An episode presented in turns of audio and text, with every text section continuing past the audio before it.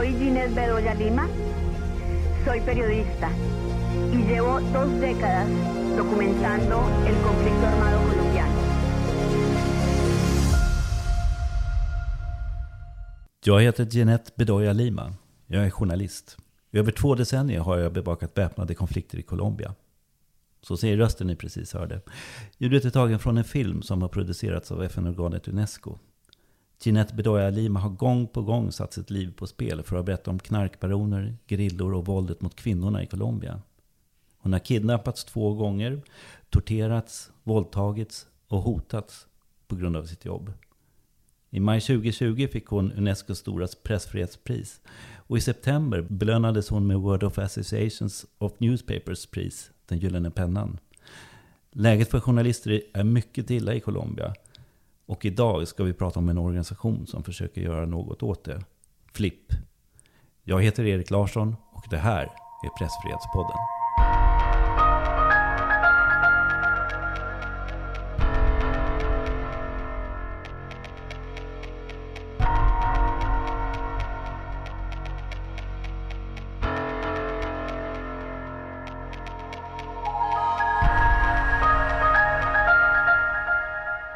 Idag poddar jag själv.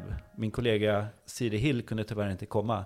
Men jag sitter här med Johan Schmidt från Palmecentret. Johan, vem är du? Jag är journalist från början och har jobbat som journalist väldigt länge med just ett, ett specialintresse och bevakning på Latinamerika i allmänhet och eh, med Colombia i synnerhet kan man säga och har då eh, utöver det här journalistiska arbetet även jobbat mycket med Reporter utan gränser och vårt arbete i Colombia tillsammans med den här organisationen FLIP som du nämner. Just det, och du började som journalist i Latinamerika. Kan du berätta hur det kommer sig att du hamnade där? Varför hamnar man i Latinamerika som journalist? Ja, jag tror kanske för att försöka få till en snygg koppling så läste jag ju i tonåren böcker av Gabriel Garcia Marquez, Nobelpristagare och författare, men i grunden journalist och som alltid skrev mycket journalistiska texter tycker jag. Och det väckte väl någon nyfikenhet på Colombia och Latinamerika och eh, efter att ha jobbat ett par år i svenska medier så eh, flyttade jag i mitten på 1990-talet, tusen år sedan, då till eh, Centralamerika och bodde i El Salvador. Och skrev då för svenska medier därifrån om Centralamerika och Mexiko, men började då även jobba mycket i Colombia, Venezuela, norra Sydamerika. Hur var läget där då? Då var ju det en period då i slutet på 90-talet som eh, där kanske våldet Eh, där konflikten som har pågått i Colombia var ju bland, eh, i sin värsta period då, och framför allt så handlade det om att våldet mot journalister var eh, i sin värsta period just under den tiden. Och Colombia var då det landet som låg högst på Reporter utan gränser och alla andra pressfrihetsorganisationer över flest mördade journalister per år. Det verkar vara ett riktigt, riktigt jobbigt land att, att rapportera ifrån. Eh, när vi gör en så här, när Reporter utan gränser gör, sätter samman det här pressfrihetsindexet så ligger Colombia på 130 plats av 180 länder. Och det var lite därför också vi tog upp eh, Jeanette Bedoya Limas eh, historia här. Hon har ju blivit nästan som en ikon i Colombia om jag förstår med eh, hennes konfliktrapportering och att den har blivit väldigt berömd.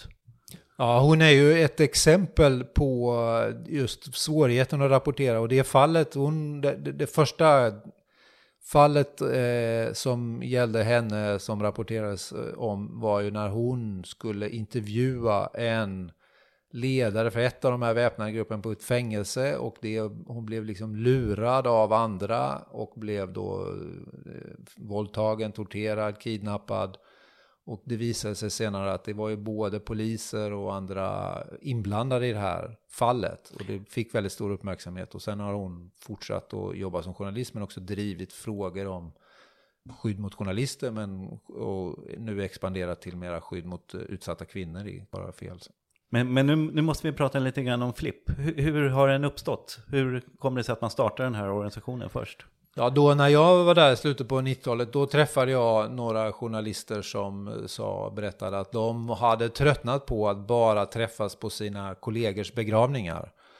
Och stå och gråta och eh, eh ja, knyta näven i fickan och sa att vi måste försöka göra någonting. Och då bildade man den här organisationen FLIP som då är spanska för Fundación para la Libertad de Prensa som är stiftelsen för yttrandefrihet. Och man bildade den helt enkelt för att man försökte skapa uppmärksamhet kring situationen och hitta ett sätt att eh, försöka skydda sina kollegor och skapa andra typer av skydd av mot, eller för hotade journalister. Ja, de eh, som finansierar eh, Reporter utan gränsers arbete tillsammans med Flipp har ju varit Sida i Sverige. Och eh, när vi började i början där på 2000-talet så var det Sida i, i Colombia som vände sig till Reportrar utan gränser och de var ju mycket medvetna om situationen för journalister. De ville göra något och vände sig till Reportrar utan gränser och frågade om, om vi då kunde göra någonting. Och där blev jag inblandad och då började vi diskutera med Flipp och eh, vi utvecklade ett, ett, projekt och sen har det pågått av och till och då har det för, från svensk sida då varit Sida-pengar. Och nu är ju Flipp en organisation som får stöd av många internationella givare, FN-organ, andra typer av pressfrihetsorganisationer och så. Hur många var det anställda när du började? Ja, när jag träffade dem första gången så hade de ju ingen anställd utan det var ju en grupp eh, som jobbade ideellt och eh, man hade till slut fått låna ett skrivbord hos någon annan organisation som jobbade med mänskliga rättigheter och hade lyckats få en halvtid och en person som jobbade på halvtid. Och när vi kom in Eh, Eh, med ett, ett, formellt projekt så var vi de första som stöttade dem finansiellt. Då. Och nu har de då, eh, jag kollade nu här med Jonathan som vi kommer att höra senare i programmet, att de är ju nu 40 anställda, en väldigt stor organisation. Eh, jag tänkte att jag pratade med Jonathan Bock, som han heter, som är ordförande för Flipp just nu. Ganska ny tillträdd ordförande också. Det är en månad sedan eller någonting sådär som han tillträdde. Eh, och jag bad honom berätta lite grann om eh, situationen för eh, journalister i Colombia. Och jag, jag tänkte att vi skulle spela upp ett litet klipp ifrån den här intervjun. To have a general overview of the problems of doing journalism in Colombia, I would like to mention three aspects. The first one is a legacy of violence. For decades, Colombia has been a very dangerous country for journalists.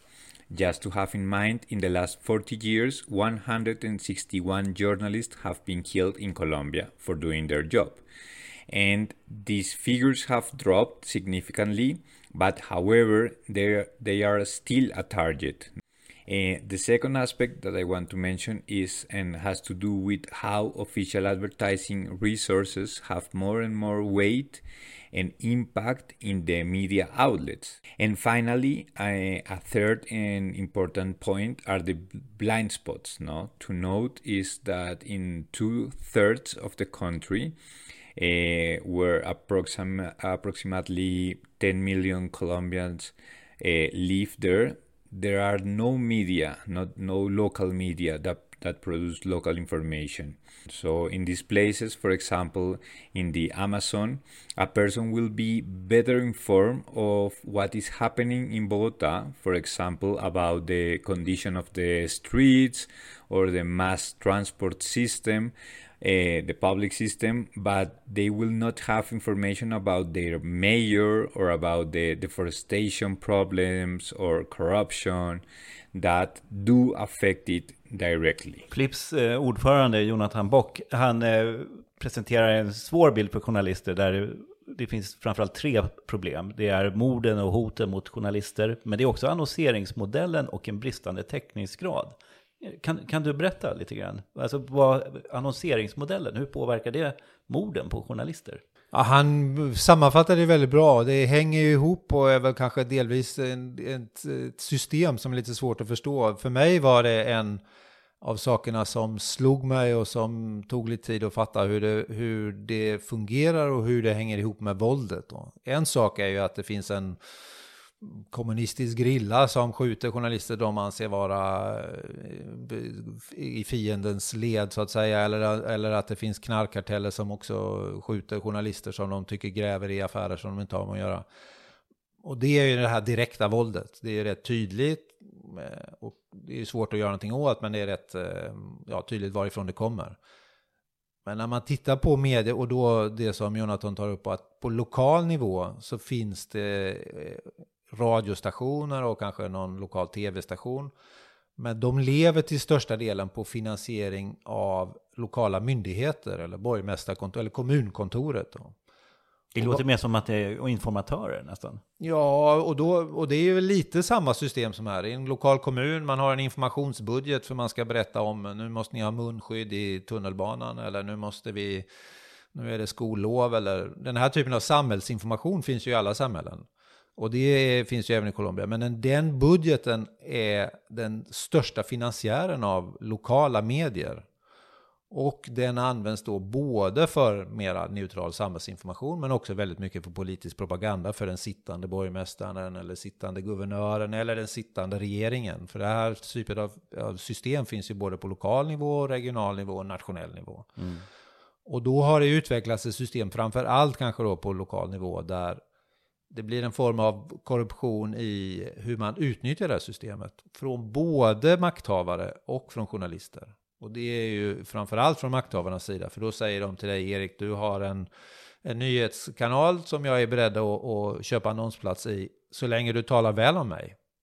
Men den dagen du börjar kritisera så drar jag in där och då har du ingen finansiering längre. Ja, Men när det har funnits ett tag så har det också blivit, och den är ju en rätt pervers logik, att journalister också utnyttjar det här och går till då borgmästaren och säger jag vet eh, att du var inblandad i den här korruptionsaffären om bygget av fotbollsplanen här borta och du köpte och det var kusiner och så. Men jag kan hålla tyst om det om du lovar att annonsera. Så att eh, journalisterna är också utpressarna? Ja, och det är, är, ju känsligt att prata om för att det är naturligtvis inte journalisterna eh, som har skapat det här systemet och de är ju den mest utsatta och svaga länken i systemet. Men man måste ändå tala om att det är så det är. Men, men hur har ett sånt här system eh, uppstått? Vad, vad, vad är drivkrafterna? Nej, men jag tror och det tror jag är ett system som är, det är ju inte unikt för Colombia, det finns i Latinamerika, det finns i Afrika, det finns i många länder och det finns för till viss del hos oss också. Och det finns ju en tanke med att vi ska ha ett public service. Hur, hur menar du att det finns hos oss? Kan... Nej, men att det finns ett pressstöd. Vi har, ju, vi har ju på något vis slagit fast att i en levande demokrati så ska vi ha medier som granskar. Men vem ska finansiera de här medierna? Och det går ju så länge det finns annonsstöd och så. Men det har ju alltid, även i Sverige, funnits public service då som ett sätt att garantera det här. Eh, men pressstöd i olika former för att man har ansett det vara så viktigt eh, ur demokratisk synpunkt att man ska ha medier. Och mm. den tanken finns ju även där, att det är viktigt att det finns medier på lokal nivå och eftersom det inte finns så mycket affärsverksamhet eller näringsliv som kan finansiera det här så har då staten sagt att det här är ett sätt att kombinera samhällsinformation med ett, system för att finansiera medier. Eh, eh, jag förstår, du beskriver egentligen en universell process som det handlar om. Det, det finns alltid en finansiär bakom och en finansiär har alltid en vilja att göra någonting. Men det eh, skiljer sig ändå ganska kraftigt i Colombia jämfört med Sverige. Eller i Sverige jämfört med övriga latinamerikanska länder som du var inne på. Men varför tror du att det har blivit så speciellt där och varför har det blivit så extremt i Colombia? Ja, det är klart att det skiljer sig, det är ju väsensskilt och det skiljer sig framförallt också i, kanske det finns en grundtanke, men sen i hur man genomför det är det ju helt eh, olika. Och till exempel det system av public service eh, som finns i till exempel Colombia, där har ju varje kommun har en egen tv-kanal, radiokanal som då ägs av kommunen och drivs av kommunen och de har nyheter och de har alla möjliga program som ungefär som en lokalradio här. Men det är liksom styrt av den sittande borgmästaren eller den sittande politiska makten. Och då finns det ju ett projekt då som Flipp har där man eh, samlar in information om vilka det är som betalar de här uh, nyhetskanalerna. För att då kan man se ja. vart ifrån pengarna Eh, Eh, kommer och vilka journalister som tar emot dem. Och, eh, kan du berätta lite mer? Ja, och då, och då såg ju Flipp att det här är också en orsak till våld och utpressning och den svåra situationen. Och det har ju naturligtvis med bristen på eh, liksom, schyssta arbetsvillkor och löner för journalister, att de måste göra så här.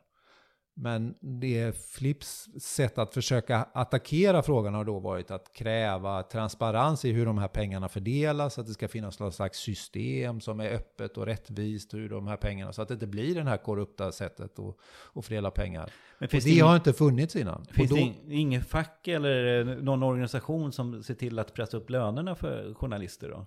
Nej, de, och det finns ju några medier kanske i de stora städerna som är fast anställda, men i princip så drivs all journalistik bara på frilansbasis. Eller du säljer in en nyhet till en kanal eller eller då på lokal nivå att du som journalist köper en timme i den lokala radiostationen. Då går du till ägaren och säger jag vill ha nyhetstimmen mellan fem och sex. Ja, det kostar en miljon kronor. Då köper du som journalist den här tiden. Och då har jag kanske bakom mig någon som står för pengarna i sin Ja, tur. eller det, det är upp till dig att skaffa annonsering för att betala den här.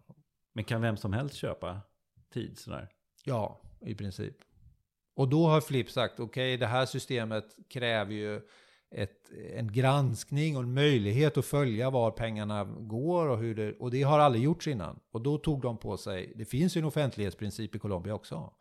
Så då begärde man ut alla lokala budgetar för alla kommuner i landet, alla myndigheter och, och just specifikt då hur stor del eh, av er budget går till information och exakt vilka kontrakt skriver ni för, med medier för att genomföra de här kampanjerna. Och det har man då samlat i en enorm databas. Så det går att gå in på, du kan liksom gå till kommun X, lokala eh, borgmästarkontoret i, på den här hemsidan och se, okej ni hade 3 miljoner förra året, det fördelades mellan de här olika medierna på de här olika kampanjerna och vad var meningen och vad var syftet och så. Och då menar man, genom att eh, offentliggöra det här, då menar man att, eh, då menar Flipp att det här kommer att förbättra eh, pressfriheten i landet för att man visar upp eh, kopplingarna helt enkelt mellan rapporteringen och de som finansierar det. Ja, Flipp har ju haft två syften. Dels att visa systemet hur det funkar och hur det då inte funkar och hur det driver korruption och att man måste göra någonting åt det. Så att de har ju parallellt med det försökt att föra in Eh, en ny lagstiftning på det här området och försökt att få med lokala medier. De vill ju också förändra det här systemet men de är samtidigt beroende av det. Och det andra är då att det har varit en, en väldigt bra eh, källa för nyheter. För lokala journalister har ju följt upp det här. Då har man kunnat se, okej, borgmästaren i den, han köpte en intervju med den lokala tidningen som eh, då skrev väldigt väl om honom. Det ser ut som en nyhetsartikel, det är en nyhetsartikel, men det finns ett kontrakt då påskrivet på kommunkontoret där det uttryckligen står att jag betalar, eller kommunen betalar den här lokala tidningen x antal kronor för att skriva en, en vänlig artikel om mig. Men det låter också som ett perfekt instrument för att slå ihjäl sina konkurrenter i mediebranschen. Ja, ja, och det är det som är liksom det perversa i det här systemet gör ju att den enskilde journalisten kan säga att jag tycker inte om det här systemet, men det är det enda jag har. Och skulle inte det här finnas så skulle jag inte eh, kunna jobba som journalist. Det är det enda sättet. Och, och lokala medier är ju ibland i, i liksom lierat sig då med den lokala politiska eliten och, och de får pengar, de finansierar sig via det här sättet. Så det är ju en rundgång av, av, av pengar då som göder den här korruptionen och så göder hoten och våldet mot journalister. Jag tänkte på en annan sak. Eh, Jonathan Bock, han pratar ju lite absurt nog om att eh, om man bor eh, långt ute i djungeln så kan man ha bättre koll på lokaltrafiken i huvudstaden Bogotá än vad som händer i ens närområde. Hur, hur ser det ut med mediesituationen i Colombia? Ja, men som man är inne på, så, och det gjorde ju Flipp en studie på, var, eh, vilka delar av, region, av landet har inte en lokal radiokanal eller en lokal tidning och så. Och det har ju naturligtvis, precis i Colombia som i Sverige, varit så att lokala tidningar har försvunnit. Eh, det finns lokal radiostationer kvar, men i många delar av landet eh, finns det inga lokala medier. Och, och just de här områdena är ju de som är, ligger långt ute på landsbygden. Det är där de största odlingarna av, av koka finns och det är där de här väpnade grupperna och kartellerna håller på. Det är de mest komplicerade områdena och de är då helt otäckta av medier. Det verkar, man kan misstänka att det är den farligaste situationen för journalister måste ju kanske vara där ute då i, i, ute i djungeln helt enkelt, där det inte finns så mycket annat. Är så. Ja, och så är det ju. Av de flesta mord och attacker mot journalister så är det ju absolut majoritet sker ju ute på landsbygden. I mindre orter och mindre städer. Det är liksom de mer etablerade journalisterna i Bogotá blir ju sällan utsatta för hot. Jeanette Bedoya är ju ett undantag och det finns ju flera. Men, men liksom säkert 70-80% av de som utsätts för hot är de som jobbar ute på, i små orter och små kommuner. Jag, jag tänkte att vi skulle gå in på ett annat område. Eh, sen 60-talet tror jag det är, så har ju Colombia präglats av militära konflikter.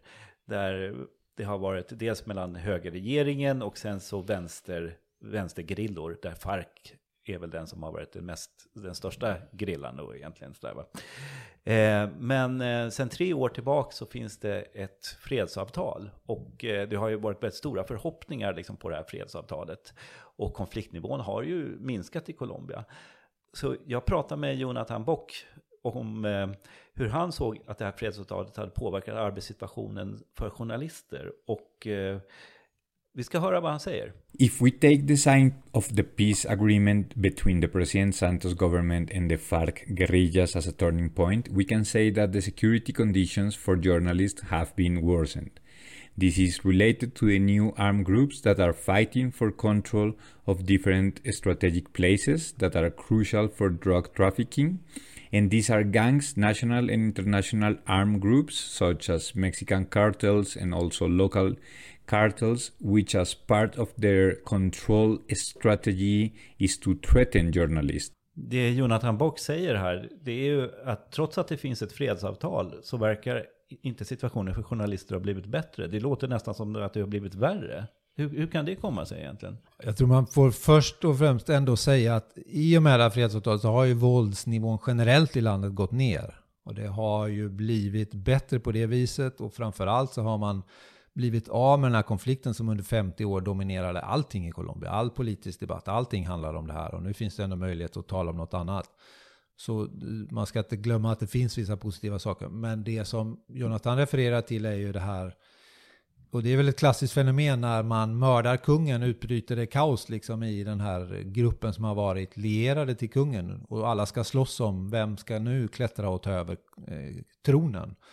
Det hände när Pablo Escobar mördades så blev det liksom alla de här knarkkartellerna började kriga internt istället. Och det är det som har hänt i Colombia också. Farc-grillan var väldigt starka i vissa områden på landsbygden. De la ner sina vapen och flyttade därifrån.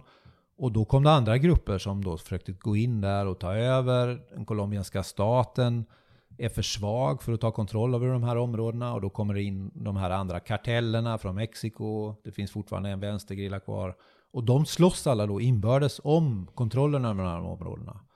Och i, när de gör det så attackerar man journalister lokalt. Och tidigare kanske det var så att alla visste, det var FARC, det är de som styr. Alla visste vilka regler som gällde. Nu är det mycket mer oförutsägbart. Man vet inte vem som styr och vem som inte och vad man får göra och vad man inte får göra. Tidigare fanns det rätt tydliga regelverk helt utanför alla lagrum och så, men det var rätt tydligt. Och nu är det mycket mer oförutsägbart. Det kommer nya grupper hela tiden. Man liksom attackerar journalister på ett helt annat, mer brutalt sätt. Då. Och då är antalet mord är färre. Men när man lever i ett land där man eh, under liksom 20-30 år har sett att ett hot mot en journalist leder till att de verkställs också. Det är inte bara tomma hot. Då räcker det med ett hot mot en journalist för att man ska sluta gräva i saker som man inte borde. Mm, jag förstår. Men eh, vilka grupperingar är det som eh, utövar mest våld mot journalister? Är det politiska grupper eh, eller är det drog, eh, eller kriminella droggäng som står för den mesta delen av våldet? Eh, jag vet att FARC har fingrarna i båda skålen om man säger så, eller båda syltburkarna om man säger så. Men om du ändå skulle ge dig på att försöka dela upp det, Vad kommer de främsta hoten ifrån? Det finns ju paramilitära grupper också som Ja, men jag tror det absolut främsta drivs ju av narkotikakartellerna. De är de som är direkt eh, ansvariga för många av hoten och attackerna mot journalister. Men det är också de som många gånger är de som finansierar lokala politiker som i sin tur attackerar journalister. Så de är, tror jag är den största gruppen. Men sen finns det ju en en, också liksom en sorglig acceptans nästan av att på lokal nivå så är det vissa grupper som styr och var gränsen mellan kriminella gäng och politiker och går är ju ibland svårt att, att dra den där gränsen. Så, så många gånger så är ju journalister som är, anses vara för politiska då också måltavla för attacker. Mm. Eh, Flips svar på det här, det har ju varit att bygga upp ett eh, korrespondent, korrespondentnät. Liksom. Kan du eh, berätta vad det är för något? Och när vi började jobba med Flips och Salon, vårt första liksom, projekt som vi har, det är att bygga upp ett nätverk av eh, reportrar runt om i landet i de här regionerna där det finns väldigt lite närvaro av staten och av, av stora medier för att helt enkelt bara få mera information om vad som händer. Och när journalister hotas är det då deras kollegor på lokal nivå som utreder det här. Flipp har ju ett kontor i Bogotá och det är Colombia ett stort land och så händer det något långt ut i, i någon region där man inte har någon närvaro. Så då byggde man upp liksom ett nätverk. Så det finns lokal, och det är ju verksamma journalister i en region som då kopplas till Flipp. Och när en situation händer i en viss region så är det den korrespondenten som utreder och vad som har hänt och, och gör en rapport. Och sen så tar Flipp det vidare till de relevanta myndigheter då, som har ansvar för att eh, skydda journalister som hotas. Agerar myndigheterna på de här rapporterna då? Ja, det gör de till viss del. Och det finns ju ett skyddssystem i Colombia då där utsatta journalister, fackföreningsledare, lokalpolitiker, ja, nu omfattar alla möjliga idrottsstjärnor och sånt som hotas, får skydd. Och då får man allt ifrån hjälp att lämna landet, allt eh, hjälp att flytta någon annan region i land, i, i, internt i Colombia. Man får mm, sådana här skottsäkra västar, man får mm, såna här bepansrade bilar och eh, kommunikationssystem och sånt. Så att jag tror att, jag kan inte exakt siffran, men jag tror det är ungefär drygt hundratal journalister idag som har livvakter och eh, någon form av skydd. Och det är ju i sig en komplicerande faktor. För om du är reporter i det lokala samhället och så ska du gå ut och intervjua någon på gatan och så står det två livvakter med ett maskingevär bredvid så är folk inte så helt pigga på att tala med dig.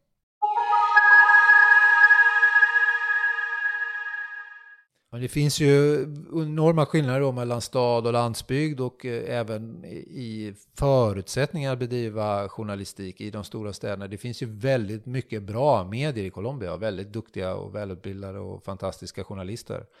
Medan man på de som jobbar på landsbygden, ofta, de har ingen utbildning, de har ofta inte så många år i skolan överhuvudtaget. Men man börjar liksom jobba upp sig eh, på lokala radiostationen och är liksom redan från början inskolad i det här systemet om varifrån kommer pengarna, den kommer från borgmästaren, håll dig väl med borgmästaren. Och, och det blir också en skevhet när eh, goda undersökande grävande journalistiken, den sker i Bogotá, i huvudstaden och i de stora städerna. Medan eh, ute på landsbygden, i de regioner som är mest utsatta för karteller och våldet som, som fortfarande finns. Där är också förmågan, eller kapaciteten och kompetensen hos medierna den svagaste.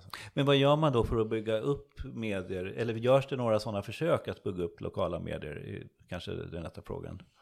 Ja, det finns, ju, det finns ju journalistutbildningar och det finns olika organisationer och det finns en annan organisation i Colombia som då grundades av Garcia Marquez, Nobelpristagaren, inspiratören. Kommer han igen? Ja, han eh, drev ju då tesen att colombianska journalister måste bli bättre journalister helt enkelt och startar en organisation som enbart eh, ägnar sig åt utbildning och vidareutbildning och fortbildning. Ett avancerat eh, FOJO kanske, om man ska ta en svensk liknelse.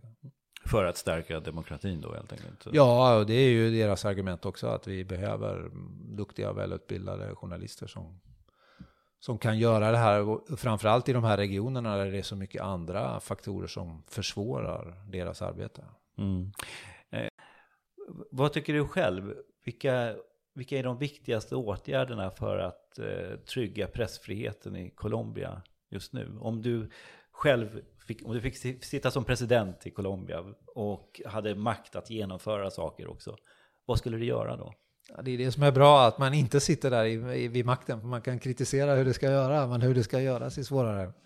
Nej, men jag tror att det, och det som Flipp har varit, tycker jag, duktiga på är att de har lyckats gå från att just bara vara, eller bara, men lyckats göra kopplingen mellan att våldet, det beror på knarkkarteller och det beror på konflikter med grillan och sånt som inte har med det är ju ett, ett, ett våld som drabbar alla grupper i samhället. Det är inte specifikt mot journalister.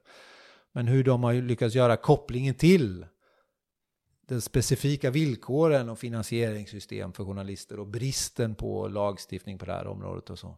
Och där är väl det man skulle önska att de, eh, ja, man nu är president, att man gjorde mera på det området.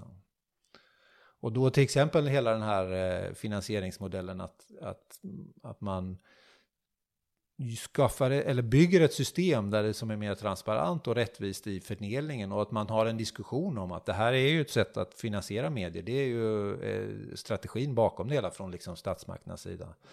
Men att man erkänner att det är så problematiskt att det skapar våld mot de som man är, i princip säger sig vilja stödja. Det blir lite lätt deprimerande. Alltså vi har suttit och pratat om våld mot journalis journalister, vi har pratat om hot, vi har pratat om en finansieringsmodell som verkar vara liksom bädda för korruption helt enkelt. Sådär, Men eh, allting är ju inte bara mörker. Och jag frågade faktiskt eh, Jonathan Bock om man kunde se några positiva tendenser i landet. Och det kunde han. Och han sa så här. Without a doubt, these are very difficult times for journalism, no? And where, um, as I was mentioned, is not enough. There are not enough guarantee for independent journalism. However, I think there are positive aspects to highlight. For example, that in the last three years, new media projects, uh, at least ten, has uh, have have been show up with a clear intention to do investigative journalism and that in a short time they have become projects that have an increasingly wide audience and that have managed to sustain them, themselves financially. I think this shows the need for a part of the audience to consume this kind of journalism and the desire of many reporters who understand journalism as a public good. Ja, det han sa är alltså att det håller på att växa fram oberoende mediaplattformar eller medieföretag. Eh, har du sett exempel på några av de här? Ja, det finns ju rätt många nya, framförallt då nätbaserade eh, små grupper av journalister som går samman och gör just grävande journalistik och man riktar in sig på ett visst tema eller en viss region. Och många av dem har växt och fått ett rätt stort genomslag. Det är inte bara den här väldigt marginaliserade gruppen.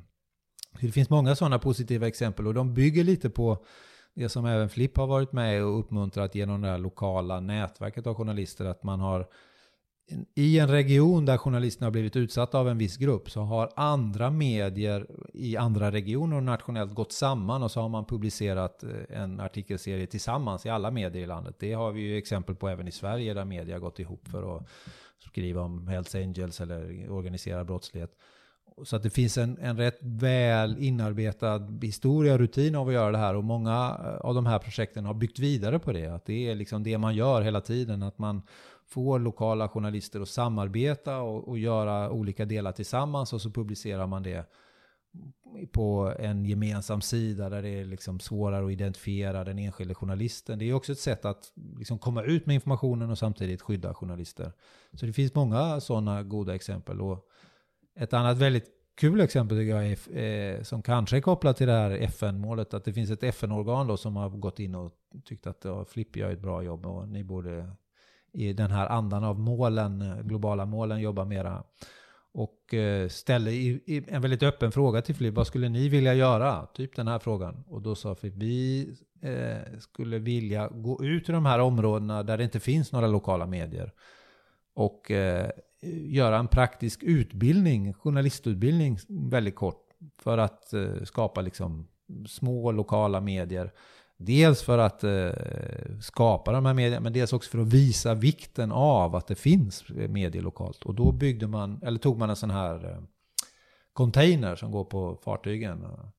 Och så inredde man det till en eh, mobil redaktion. Och sen kör man då runt i landet och så åker man ut i de här regionerna och ställer den där containern på torget i, i den lilla staden. Och så bjuder man in folk att vara med och gå en kurs i hur man gör radio eller hur man gör en podd eller hur man gör en nyhetsgrupp på WhatsApp. Och det liksom väldigt sådär hands-on. För att dels ge möjligheter till lokal medieproduktion men också för att visa vikten av att det finns eh, medier. Och det är ett sånt väldigt udda men intressant exempel på hur man kan göra. Det låter ju jättespännande.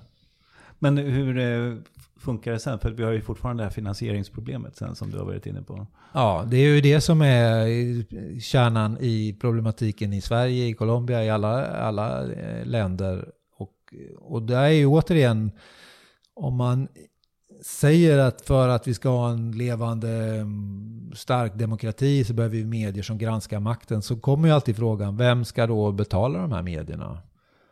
Och det är till viss del statligt finansierad i alla länder, men till allra största delen privatfinansierat. Det är en privat business som alla andra. Och tjänar man inga pengar så gör man inte det.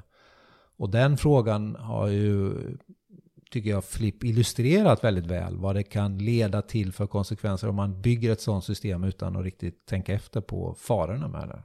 Och det är ju en fråga som är aktuell i alla länder i världen skulle jag säga. Speciellt nu när vi ser hur annonsmarknaden eh, har flyttats över från eh, papperstidningar till eh, sociala plattformar helt enkelt.